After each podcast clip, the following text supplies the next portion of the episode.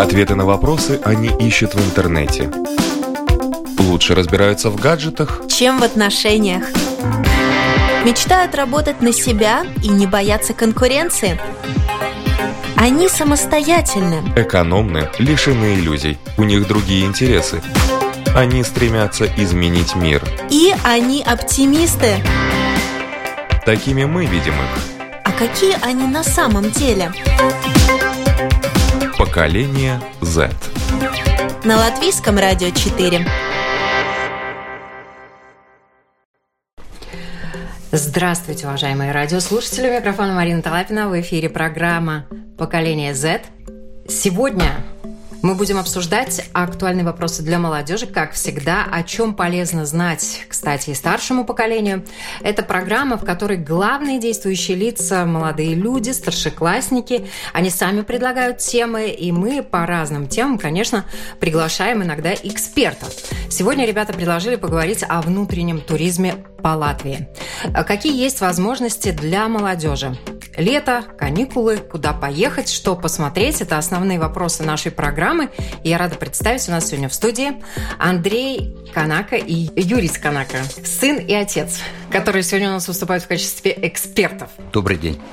Также у нас сегодня в гостях наши практически постоянные ведущие Степан Юрош. Здравствуйте. И Михаил Олехов. Здравствуйте. Вы э, тоже любите путешествовать, и все не только любите путешествовать, но и путешествуете, что самое главное в контексте нашей сегодняшней программы. И хочется узнать, конечно, у вас папы и сына, которые объехали, насколько я знаю, всю Латвию. Вот рассказывайте, где были, что видели, как часто ездите.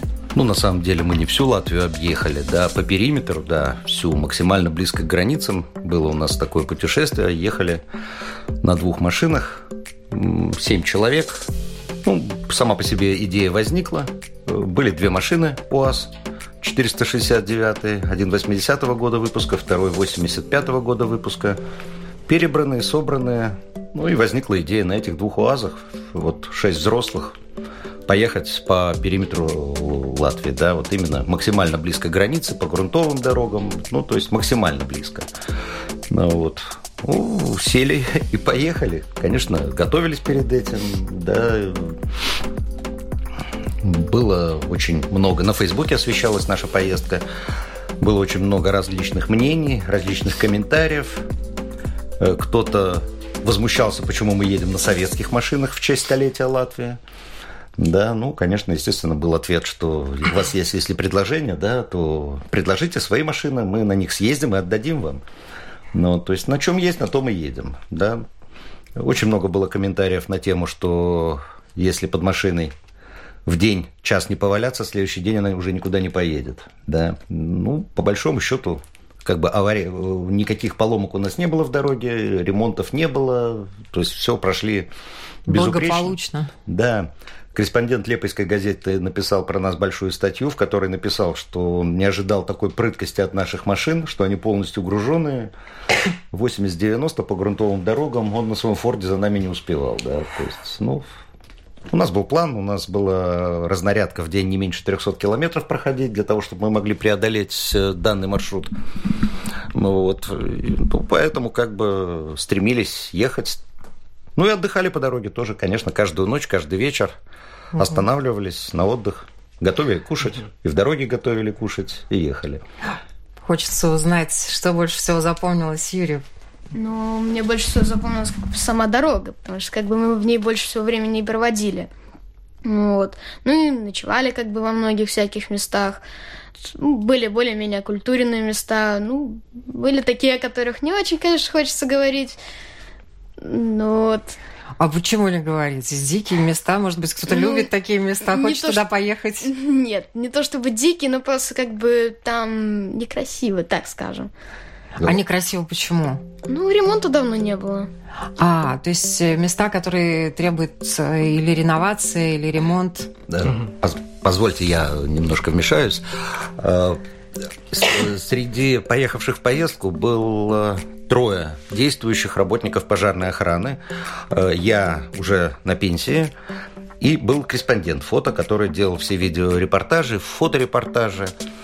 Э, Поэтому как бы у нас это была как символика, что пожарная охрана, да, и мы ночевали вот при, ну, рядом, недалеко, ну, в пожарных частях, да, останавливались, э, отдыхали.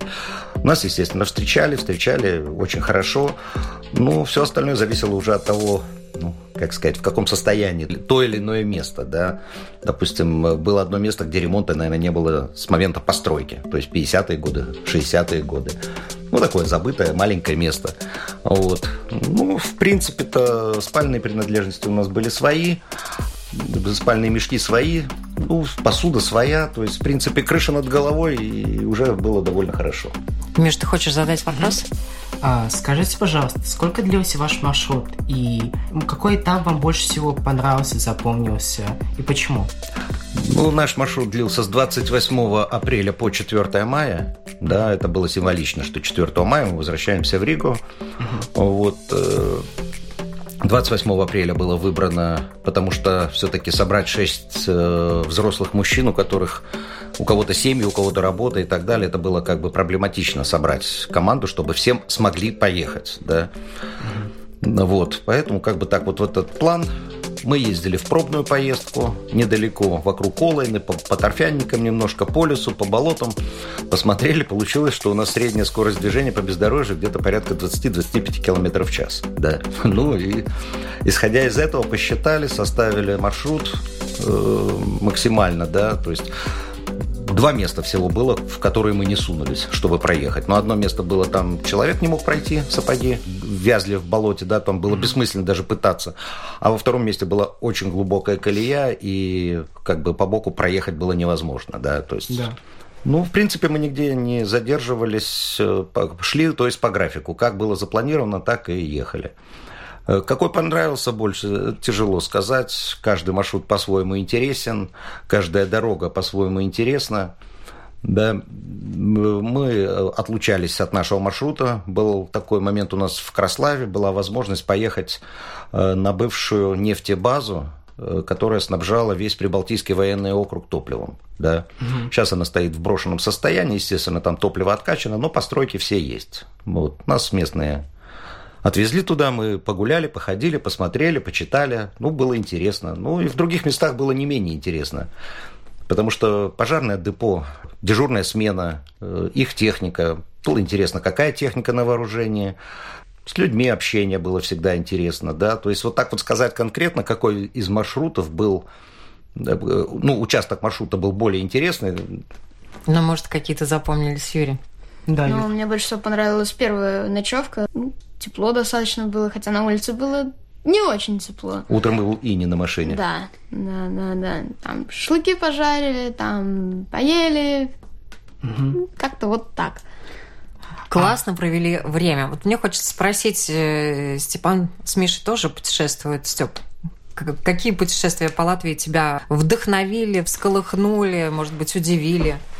Я с своим классом и с, с семьей проделал, скажем так, путь не вдоль и поперек, но насквозь Латвии, скажем так. Я от э, Венспилса до Даугавпилса один раз ехал с родителями. У нас это была поездка не, не больше, чем двух недель.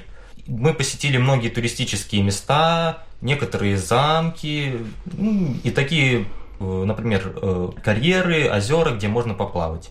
Я часто ездил в ту же Юрмалу или же такого прям э, ближай, ближайшее к Риге сказать э, мест э, был в Цесисе. Мне этот город запомнился не знамо как, но очень сильно мне, на меня произвел впечатление. Цесис. Цесис. Получается, во-первых, как я туда добрался, это ну, не, для меня анекдотичная ситуация. Рассказывай. Получается, Собрались мы, я тогда ехали только я и бабушка, и получилось так. Э, мы собрались, это было зимой. Э, как обычно, у нас в Латвии снега не было, но мы все ехали в самой теплой одежде, которую только смогли найти. Э, сели на поезд, добрались, и тут уже началось. Сначала мы по ошибке прибились, прибились к немецкому провожающему вместо русского – Он нас так по итогу проводил на половине цессиса. Потом мы сориентировались, то, что он говорит не на, не на русском. Гида ты имеешь в виду, да? Именно гида. Э, и по итогу мы поняли то, что надо искать э, российс... Ой, российскую, ру... Э, русскоговорящего русского проводника. Ну или хотя бы человек, который видел русскую, русскоговорящую группу туристов, ходящую по городу. По итогу мы оббегали вторую половину Цессиса в поисках этой группы. Нашли нашу группу. И, и только тогда зашли в сам замок Цессиса. И первое же, что нас спросил гид – как вам понравился город, когда мы пришли в сам замок? Мы с бабушкой не то, что готовы были его э, спросить, а мы, а мы с вами были, или вы нас не заметили, или что-нибудь подобное, но мы были сильно измотаны, поэтому мы просто промолчали и пошли вместе с ним по замку. Но город тебе понравился? Город понравился. Мне очень интересно, конечно, э, Мишин рассказ услышать, потому что Миша у нас особый гость, и именно он, кстати, тоже предложил эту тему. Особенно у нас гость, потому что он э, человек с особыми потребностями, ты не видишь, и поэтому твой опыт для нас очень ценен и интересен. Вот расскажи, пожалуйста, о своих путешествиях, как ты путешествуешь, где ты путешествуешь. По Латвии, к сожалению, не могу также сказать, что я проехал сквозь Латвию или вокруг всей Латвии. Но были такие путешествия, которые у меня очень хорошо остались в памяти. И самое, скажу, удивительное путешествие – это ночной переход, ночной зимний переход вдоль, вдоль реки Гаули рассказываю историю. На Новый год мы решили отпраздновать по-другому, разорвать стереотип, раз, разорвать шаблон, чтобы не сидеть у телевизора и есть оливье, как обычно, а отправиться в лес и пройти путь в 21 километр. Так как в Фейсбуке можно очень хорошо найти многих, многие группы маршрутов, мы присоединились. Вначале мы поехали до Сигулда. В Сигуде, оставив машину, мы долго искали нашу группу и под конец нашли ее, хотя казалось уже, что полностью заблудились. Потом, начал... а потом мы отправились в лес. И в лесу оказалось так, что началась метель. А метель в новогоднюю ночь, как всегда, очень сильная. И это очень запомнилось нам, так как наш был первый опыт. Как такой экстремальный Такой экстремальный, да. Потому что надоело сидеть дома, в тепле. Да, но потом зато тепло домашнее, наверное, чувствовалось совершенно по-другому и ценилось. И мы прошли дистанцию, я и моя мама прошли дистанцию 21 километр.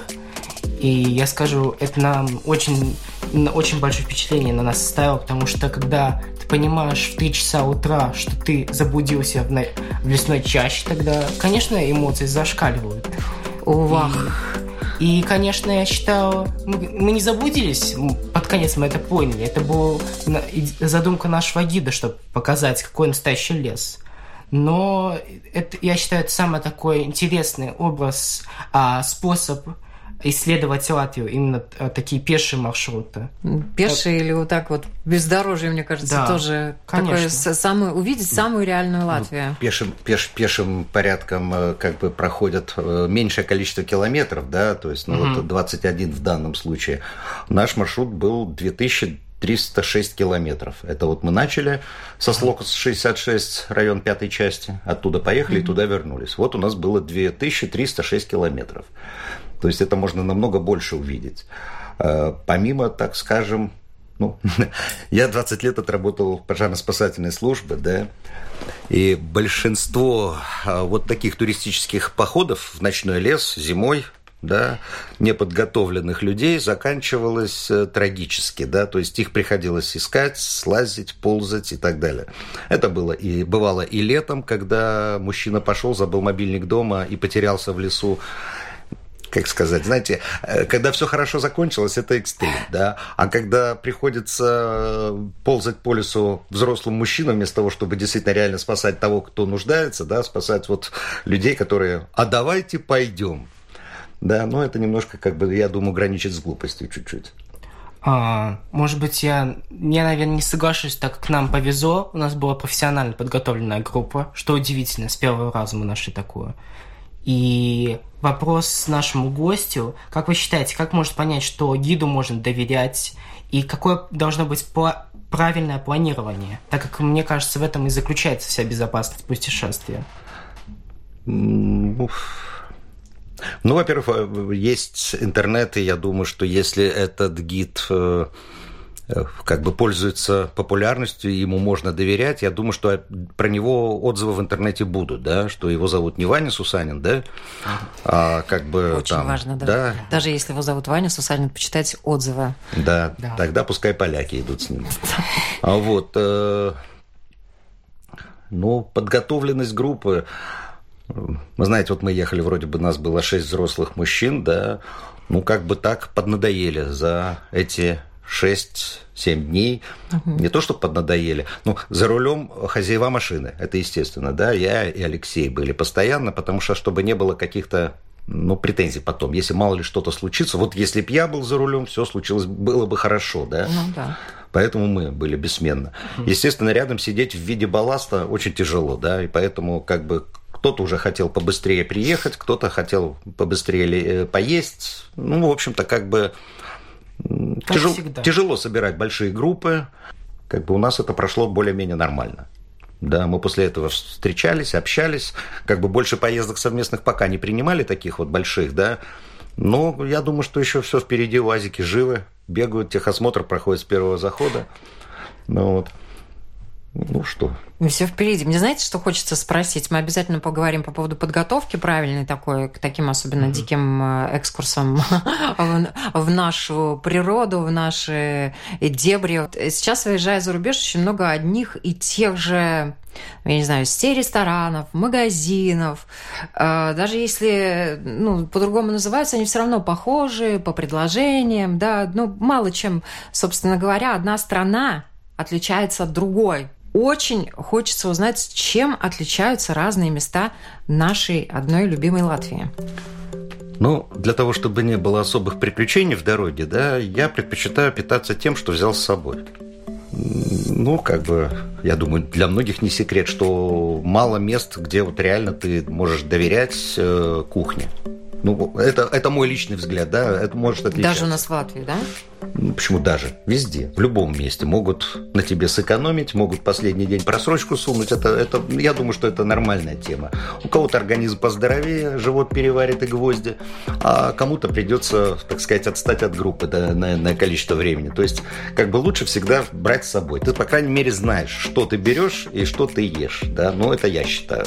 Поэтому мы, когда ехали в эту поездку, в нашу большую, у нас с собой был- были и две палатки большие, то есть, как бы планировалось ночевать по пожарным частям, да, но палатки все равно взяли. Но мало ли что-то где-то в дороге. В пути останавливались, открывали задние борта УАЗов, готовили кушать.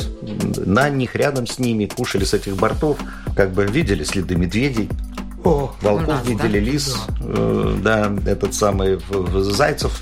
Ну, это вообще немерено было. Заехали в такое место, где по карте есть дорога, причем она нормальная, знаки есть, все есть. Э, И вдруг дорогу перекрывает э, ручей и уже 20-25-летние деревья. То есть там уже дороге 25 лет где-то. Но объехали. Один раз зайца разбудили, он спал прямо на дороге. Ну, вот для Косова шок был. Ну вот. Так что вот по поводу еды, да, я ответить более конкретно. Я все-таки предпочитаю брать с собой и питаться в тех местах, э, которые знаешь, да. А Мне хочется спросить нашего самого юного сегодня участника, какое место тебе больше всего понравилось? Чем они отличаются вообще? Латвия разная или она такая приблизительно одинаковая? Или Ну. есть у каждого места свое, что-то особенное? какой-то. В каждом месте что-то свое особенное. Ну, вот такого вот прям вот, чтобы прям вах. А А пейзаж? что тебя удивило, что тебя напугало? А пейзаж, как- когда мы были на горе, А, да, я помню, мы были на какой-то горе, ехали, и слева у нас как бы был, ну не то чтобы обрыв, но достаточно крутой спуск. И вот, вот просто вот видно вот лес, ну, поле, лес, вот сколько глазу потом хватает видеть. Это очень красиво. Остановились, Красивая. фотографировали. Страна очень красивая, очень красивая страна. Зеленая. Ну, уже можно поспорить. По поводу леса, конечно, шокированы, да, есть места, где вообще леса нету, где одни пеньки, есть места, где э, засеяно свежим лесом, то есть уже что-то в- всходы есть, да. Ну вот, конечно, много запущенных мест, но страна очень красивая. Давай А. Послушаем. Если говорить в рамках нашей страны, то можно поехать по, опять-таки, э, каждому из четырех или пяти, э, по мнению человека, регионов И там он найдет э, именно одну и такую колоритную часть жизни, которая ему понравится. И она будет отличаться она, от других, да? Ну, для него она будет отличаться. Например? Говорю пример и от себя. То, что, опять-таки, возвращаясь к моей поездке насквозь Латвии, получается, когда были в Курзаме, мы не видели так много туристов, э, было даже по- поменьше русскоговорящих, но все, все понимали, и шла мирная жизнь, ресторанов даже так много не было. Скажем так, буквально хорошая такая глубинка, не, э, не- ну не, не заселенная, но Такая не испорченная, Не испорченная. ресторанами. не испорченная э, людьми и так далее. А вот когда мы поехали уже где-то посередине стороны, там, Земгалы, ну или уже ближе к Латгалы, такие смотрим, машины рядами просто едут. Даже не, э, не продышать, скажем так, свежим воздухом. Э, э, Лес там за спиной стоит, но ты чувствуешь, то, что все не продохнуть людей много. Ту- Туристов, э, местных, ну, ожи- оживлено, очень даже оживлено, скажем так. Но если смотреть именно как э, посетить места, то Латвия в большинстве своем представляет э, э, небольшие такие места, лагери или же постройки культурные в, в лесу или, или рядом с лесом. Кемпинги ты имеешь в виду, да? Э, ну, можно сказать и кемпинги, но из таких и прям последних мест, которые я имею в виду, это Лыктюндарс э, на, на берегу э, на берегу Даугавы, если не ошибаюсь. Э, э, Посетили туда э, мы нас, ну, и посетил недавно там это место с классом и как я уже говорил, глубинка, место, место, конечно, туристическое, много туристов ходит, но ну, такое... И обособленное тоже, Обособленное, скажем так, видно то, сразу то, что наше. То, что все, все хорошо, все, все мирно. Все красиво. Да, все красиво. Миш, давай. А, я скажу, что Латвия отличается. А, когда ты приедешь, например, из Риги в Лепою или в Сигулду, ты почувствуешь разницу. А, так как я достаточно много уже успел поездить по Европе, там такого нету. Я соглашусь с, с Мариной, что эта гло- глобализация, эти рамки всплываются, и все места какие-то одинаковыми становятся. А насчет людей, а, Несколько лет назад я участвовал в паломничестве Дуагоны. Как известно, летом проводится паломничество 200 километров, 300. И я скажу, у нас очень приветливые люди, и я думаю, отношение к туристам хорошее. И тут у меня появляется вопрос к Андрею, к нашему гостю. А Как вы почувствовали отношение, например, людей в Латгалии? Ведь говорят, что они более э, дружелюбные и открытые. Как менялось это отношение к вам из места к месту? Может быть, в этом контексте? Я скажу, что враждебного отношения мы не почувствовали нигде. Э, Очень многие люди смотрят э, латвийское телевидение. У нас был репортаж по ТВ-3. Э, Его снимали на Балдырайском карьере. Мы показали машины, мы рассказали про машины. Э, Каждый из нас э, было интервью. Плюс э, на Фейсбуке было с каждым из нас интервью. Э, Дата нашего выезда и план маршрута ни от кого не скрывался. Поэтому были маленькие поселки, где люди даже в 7 утра приходили нас встречать. Э, про- Простые люди просто вот выходили и встречали.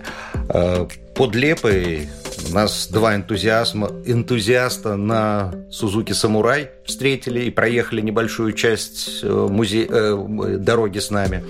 И когда там Лешин УАЗ застрял в огромной луже, не меня попросили вытаскивать, а дергали этой Сузуки Самурай, что они хотели нам помочь. Там, конечно, зрелище было страшное, потому что по весу этой Сузуки она в три раза легче этого УАЗа, плюс двигатель у нее слабее тоже, ну, по кубатуре. Ну, ребята очень-очень старались, трос не порвали и все-таки Леху сдернули с места. Поэтому и как бы нас приветствовали везде очень хорошо, встречали очень хорошо, было много разговоров. Эм, Я как бы по национальности русский человек, мне общаться лучше на русском языке легче. Э, то есть, видя это, люди все равно переходили, старались на русском, я старался на латышском. То есть, когда есть у людей интерес, договариваются на любом языке. Встречали везде приветливо. Мы с собой взяли целую пачку наклеек. Ну, вот, если что, видно вот на майке, как она вот выглядит. Вот такая наклейка, да. Может быть, опишите для наших слушателей? А, Для слушателей это латвийс- э, контур Латвии. э, раскрашен в цвета латвийского флага. Посередине нарисован УАЗ, пожарная эмблема и надпись э, «Апкарт, Апкарт Латвия Сингады». Вот, то есть вот такая эмблема. Было очень много, мы, по-моему, приехали, себе ничего не осталось. Все раздали, да, по пути. Вот, э, так что, как бы, встречали очень хорошо. По поводу Европы я бы не согласился, да. Я бывал много в Европе, э, и Польша, Хорватия, Италия, э, Словакия – Э, я бы, наверное, отметил, что все-таки немножко как бы внешность и менталитет людей э, как бы все-таки отличается.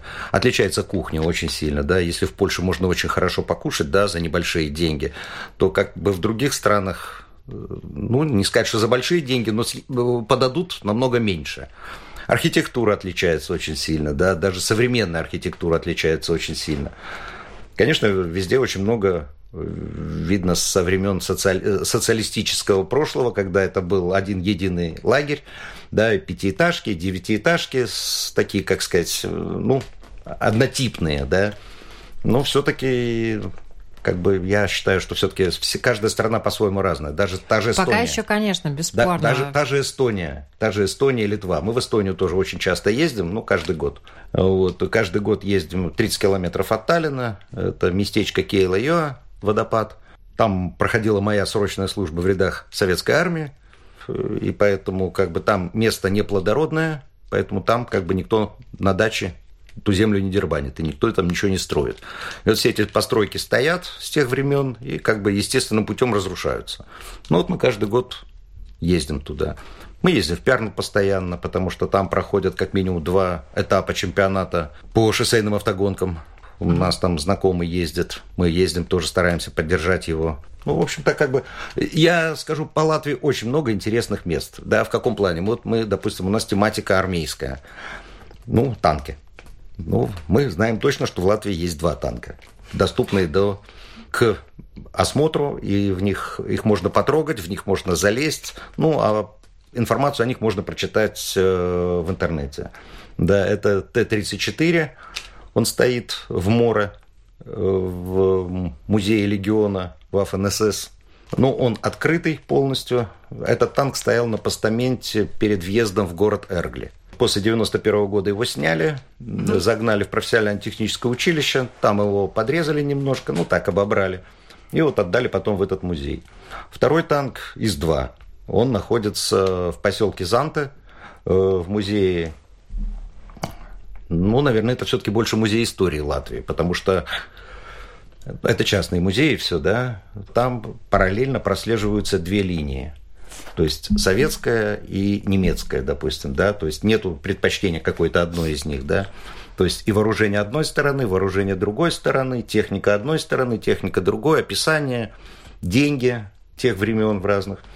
То есть тоже достаточно интересные музеи. Ну вот, ну мы стараемся ездить по музеям. В Елгаве открыли для себя недавно. Я 20 лет отработал в пожарной охране, я не знал, что в Елгаве есть музей пожарной охраны.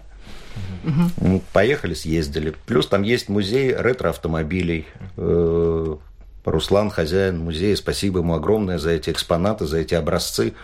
Очень много реставрированного, очень много в оригинале собранного, то есть дедушкина из гаража. Да, сам Руслан на трех рафах проехали от э, Балтийского моря до, до Владивостока, доехали на трех рафах. Ну вот, то есть, я говорю, мест очень много интересных, надо просто читать, надо слушать других людей, кто что-то рассказывает, да. Э, перед поездкой, конечно, надо почитать в интернете описание этих мест, историю создания и так далее. Тогда как бы интереснее, ты уже в теме. Кстати, в Елгаве есть еще музей железной дороги, тоже достаточно такой, ну, скудненький, но неплохой. Вот э, как раз вы перешли к нашей следующей части. Что надо знать, отправляясь в путешествие по Латвии? Наверное, немножко чуть-чуть отдохните, и ребятам дадим слово. Вот как вы готовитесь к путешествиям? А... Рюкзак. Э, рюкзак, конечно же. И вперед. Ну, у меня такой настрой. Я считаю, что никогда ты не можешь все полностью предусмотреть. Надо, главное, стараться перехватить вещи, которые будут... По... А, так у нас в Латвии погода переменчивая. Поэтому надо все захватить с собой. И, конечно, с, с хорошим настроем отправляться в дорогу, так как если у тебя настрой хороший, то тогда ты можешь все неприятности, которые в пути, легко преодолеть. Степ. Для меня главное, что надо брать с собой в любое путешествие, это компанию. Ина- иначе будет банально скучно и не с кем обсуждать увиденное. А я боялась, что скажешь мобильный телефон. А, Хочется еще спросить, как вы выбираете места, куда поехать в Латвии?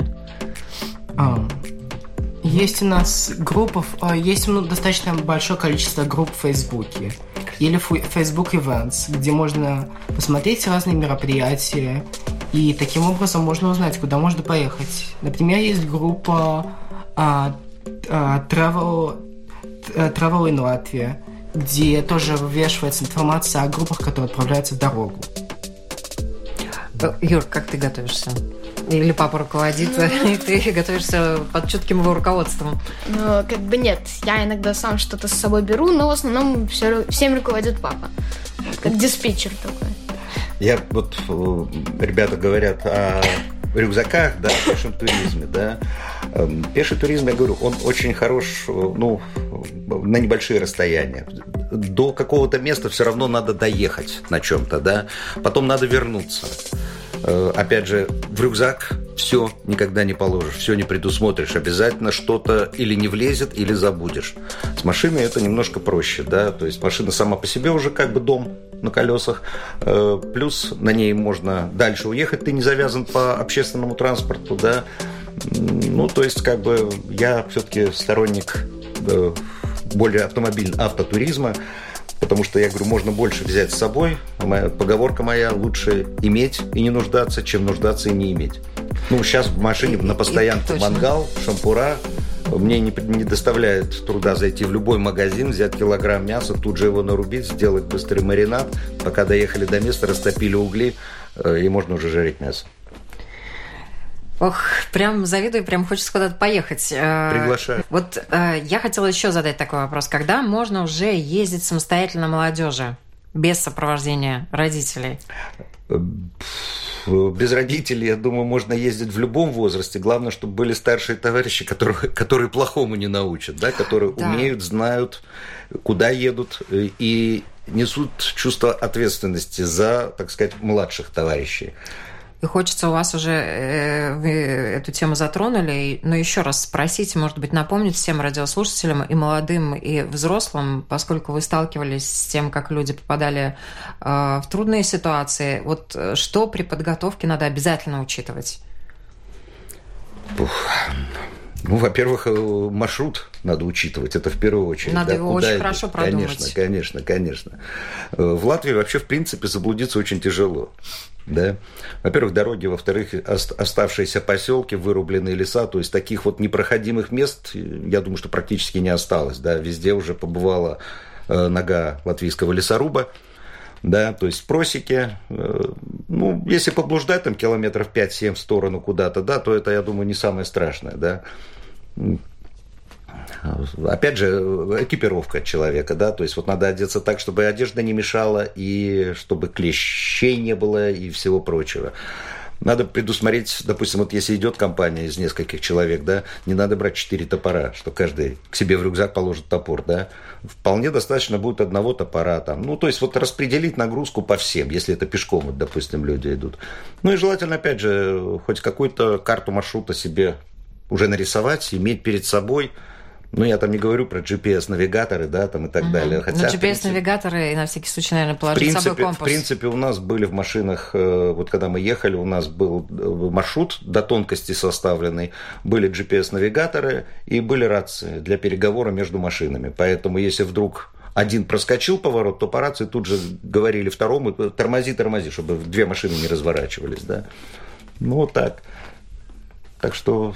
А по поводу детей, э, наверное, э, как сказать, желание путешествовать и ездить, это, наверное, у меня еще от отца моего досталось. Мой отец, э, он учитель физики в средней школе был.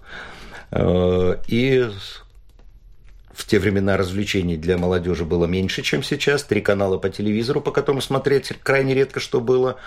Радио «Маяк», что еще у нас было? Да и все, пожалуй. А, игровая приставка, электроника, да. Вот. То есть, как бы а тупо сидеть скучно дома было скучно. Ну и вот мой отец организовывал со своим классом, где он был классным руководителем, походы. И я помню себя лет, наверное, шести. Отец нас брал с сестрой в походы. В походах нам разрешалось гулять сколько мы хотим перед костром, да. Но я не помню, чтобы были пьяные или какие-то происшествия случались. То есть ребята были все дисциплинированы, они знали, что если в одном походе они себя проявят не очень хорошо, то в следующий поход их просто не возьмут. Э, в основном сплавлялись по Гауе на лодках, да. То есть Гауя достаточно быстротечная речка, и грести не надо, то от, от берегов отгребать, да. Ну и вот до Цесиса или до Валмера поднимали, э, доезжали на поезде с рюкзаками, с мешками, накачивали лодки и сплавлялись до Сигулды 2-3 дня. И вот мы с отцом вот ездили, как бы постоянно mm-hmm. тоже, будучи детьми. Вы переняли эту традицию да, и да. продолжаете со своим сыном. С сыном, да, мы с ним путешествуем с его трех лет. Вах, а ты помнишь эти свои первые путешествия? Первые путешествия только отрывками, и то не факт, что помню. Со слов моих он в основном да. это помнит, потому что осталось много фотографий. У нас был очень большой маршрут. Это был маршрут Санкт-Петербург, Санкт-Петербурга в Брянск, из Брянска в Ригу. Э, что меня успокаивало, что из Санкт-Петербурга до Брянска мы идем вдоль границы Латвии по этой Е95 дороге. И если будет какой-то, ну, проблема с ребенком, да, то мы просто не поедем в Брянск, мы да, свер... свернем, свернем и домой, да. Ну, на удивление, все прошло настолько хорошо. В Санкт-Петербурге была встреча с армейскими сослуживцами. Вот, его все восприняли очень хорошо, назвали самый младший ветеран 14-й дивизии ПВО. Ну вот, Хотя да. я не служил. Ну вот, нет, он сидел со всеми за общим столом, он посетил со всеми общее собрание. Э, он жил в том общежитии, где нас разместили, он покорил э, сердце как ее на, на, на, на вахте сидит, которая... Дежурный. Дежурный покорил сердце, она там Актер. просто умилялась, ходила, да, за ним. Вот. Когда все начали разъезжаться, она сказала, живите сколько хотите, Министерство обороны все оплатит. Эм, мы сидели за одним столом с Юрием Трушечкиным. Да. Э, я думаю, что Никто не, не все, знает. к сожалению, знают. Расскажите. Юрий Трушечкин – это командир зенитно-ракетного дивизиона, который сбил э, Маккейна. Именно его дивизион сбил во времена и Вьетнамской войны. с ним за одним И мы сидели с ним за одним столом. К сожалению, человек умер уже. Вот. Много было интересных рассказов и о Вьетнаме, и обо всем, да. То есть это действительно боевые были офицеры, э, награжденные очень многими медалями, помимо юбилейных, да. То есть, в принципе, все встречи всегда проходили очень интересно, конструктивно. Ну, мы сейчас о путешествиях, да. И вот мы поехали из Санкт-Петербурга в Брянск, абсолютно никаких проблем. В дороге была поломка, мне понадобилось три часа, чтобы Устранить. отремонтировать. Э, Юра отсидел абсолютно спокойно три часа в машине. Мы остановились. В ночь по России лучше, конечно, не ездить, да, потому что в том месте, где нет ни знаков, ничего, может оказаться яма. Да, поэтому лучше как бы днем. Вот. Э, остановились в городе Невель. Э, хорошая, нормальная, спокойная, чистая гостиница, да, переночевали. Это как раз был тот день, 2008 год, когда сборная России стала чемпионом мира, когда Ковальчук забил две шайбы. Мы сидели, смотрели. У деда телевизора нашего не показывал в Риге, и мы ему слали сообщения одно за одним, кто забил, какой счет, какое время. Ну так, хорошо. Утром поднялись без всяких капризов. У нас нет вопроса, что кушать, что одевать. Да? То есть, как бы кушать еду, одевать одежду. Все, вопросов больше других нету. Мужская компания. Да, поднялись, сели и приехали в Брянск. В Брянске все отлично прошло, и дорога обратно отлично была, так что как бы я понял, что с ним можно ездить. Есть какое-то путешествие, вот, которое за эти годы с папой по Латвии тебе так запомнилось, что ты бы хотел еще раз туда вернуться? Именно по Латвии. Да. Ну, скорее всего, еще раз можно было бы поехать э, вокруг Латвии, но уже в обратную сторону. Ну, ну вот а вот. поездка в море, в музей. Занта. Да, где тоже. там. Ну, мы мно- во многих музеях военных. А куда бы вы рекомендовали? У нас уже время э, завершается наша беседа. Вот куда бы в Латвии вы порекомендовали молодежи обязательно отправиться с родителями, с компанией? Ну, вы знаете, это же все зависит от того, кого что интересует. Да. Кого-то интересует архитектура. Вот, допустим, вот каждый свое, пускай Допустим, порекомендует. город Цесис. Безумно красивый замок, площадь с фонтанами, да, то есть красивый город, узкие улицы, крутые подъемы эти дорожки, да.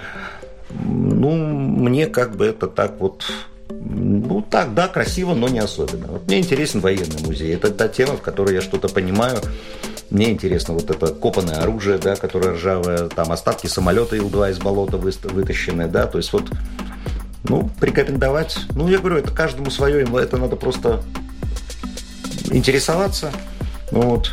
Конечно, уровень наших музеев оставляет желать лучшего. Во-первых, потому что в основном все музеи на, держатся на энтузиастах. Да, бесспорно. И зарплаты у музейных Никакие работников очень никакие. низкие, да. Цены на билеты очень маленькие у них, потому что у них и так нет людей, а если еще и ценник заряжать, так народ Но перестанет они за счет ездить. этого не могут зарабатывать бесспорно. Они должны быть на дотациях государства. Это отдельная тема, отдельный Э, разговор. Да, бесспорно. да, да. Вот этот музей в, в этом э, в море тоже му- мужчина сам содержит в своем доме этот музей.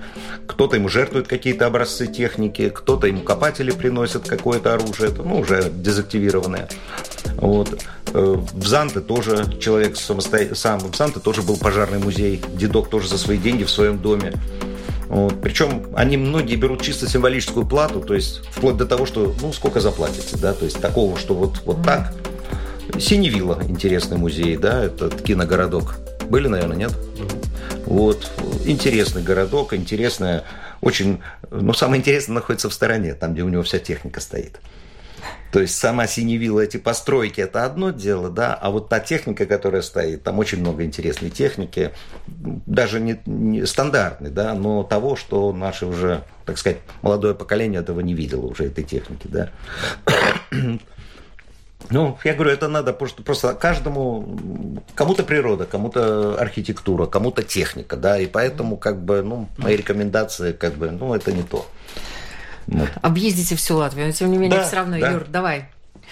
Ты куда бы порекомендовал народ Я съездить? порекомендовал народу съездить на Колку. Это достаточно красивое место, прям вот самый краешек Латвии, вот прям вот, вот дальше уже некуда. Дальше море, все. Там, ну, нету никаких таких архитектурных ценностей особенных. Это больше даже тем, кому нравится море. Даже Почему- так. Почему? Там есть своя изюминка. Ну, подумаешь, камушек с надписью. Нет, нет, нет. На гербе Латвии м, с- с- восхо- всходящее солнце нарисовано, изображено на синем фоне, на, на фоне моря. Закат солнца на гербе не будут рисовать. И это единственное место, это колка, где солнце встает с воды. Интересный факт. Вот, ну, вот колка, может, там роя еще, да, зацепить можно, потому что потом дальше идет этот изгиб, и уже везде солнце всходит с э, земли. Мы, э, извините, что я все время забираю, ничего, да, но э, я когда служил вот в пожарной охране, у нас э, один период был постоянный коллектив, то есть ни новые не приходили, ни старые не уходили, да, и очень дружный был коллектив, и мы очень много ездили. И вот мы ездили с ночевкой, с аквалангами, ездили именно на колку, да, ночевали, ныряли, ну, хорошо отдохнули. И ездили также с коллективом в Палангу. Вот. Поехали в Палангу, то есть вот, ну, как бы очень тяжело собрать людей, да, потому что у всех свои заморочки, у кого-то скользящий график, у кого-то больные дети, у Но это кого-то... у взрослых, у молодежи они достаточно легки на подъем. А, а, уч- а учеба, а, Вот финанс, щас а финансы. А сейчас лето. Лето, время пришло собой. Да.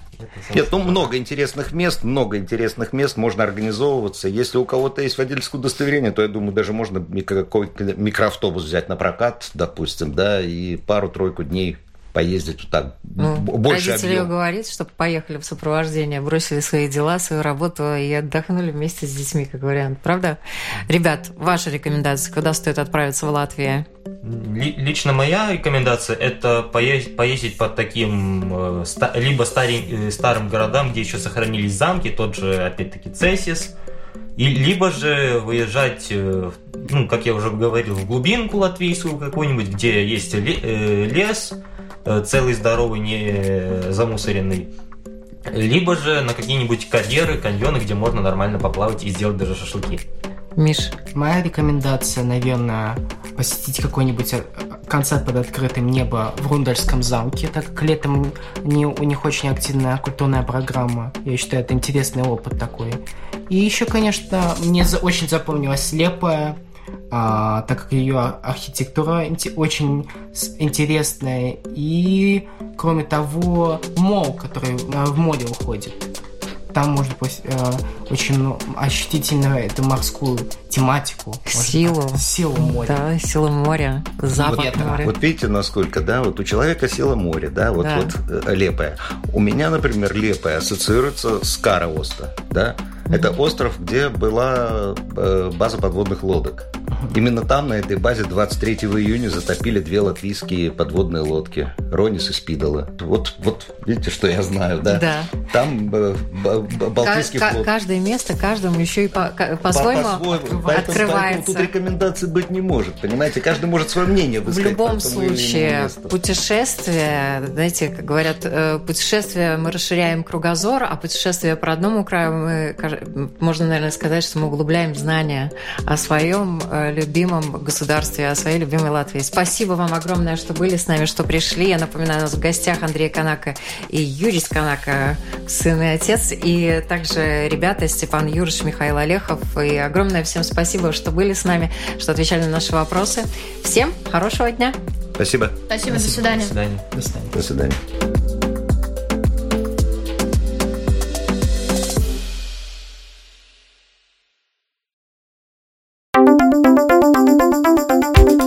Ответы на вопросы они ищут в интернете.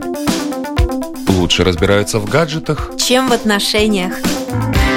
Мечтают работать на себя и не бояться конкуренции? Они самостоятельны. экономны, лишены иллюзий. У них другие интересы. Они стремятся изменить мир. И они оптимисты. Такими мы видим их. А какие они на самом деле? Поколение Z. На Латвийском радио 4.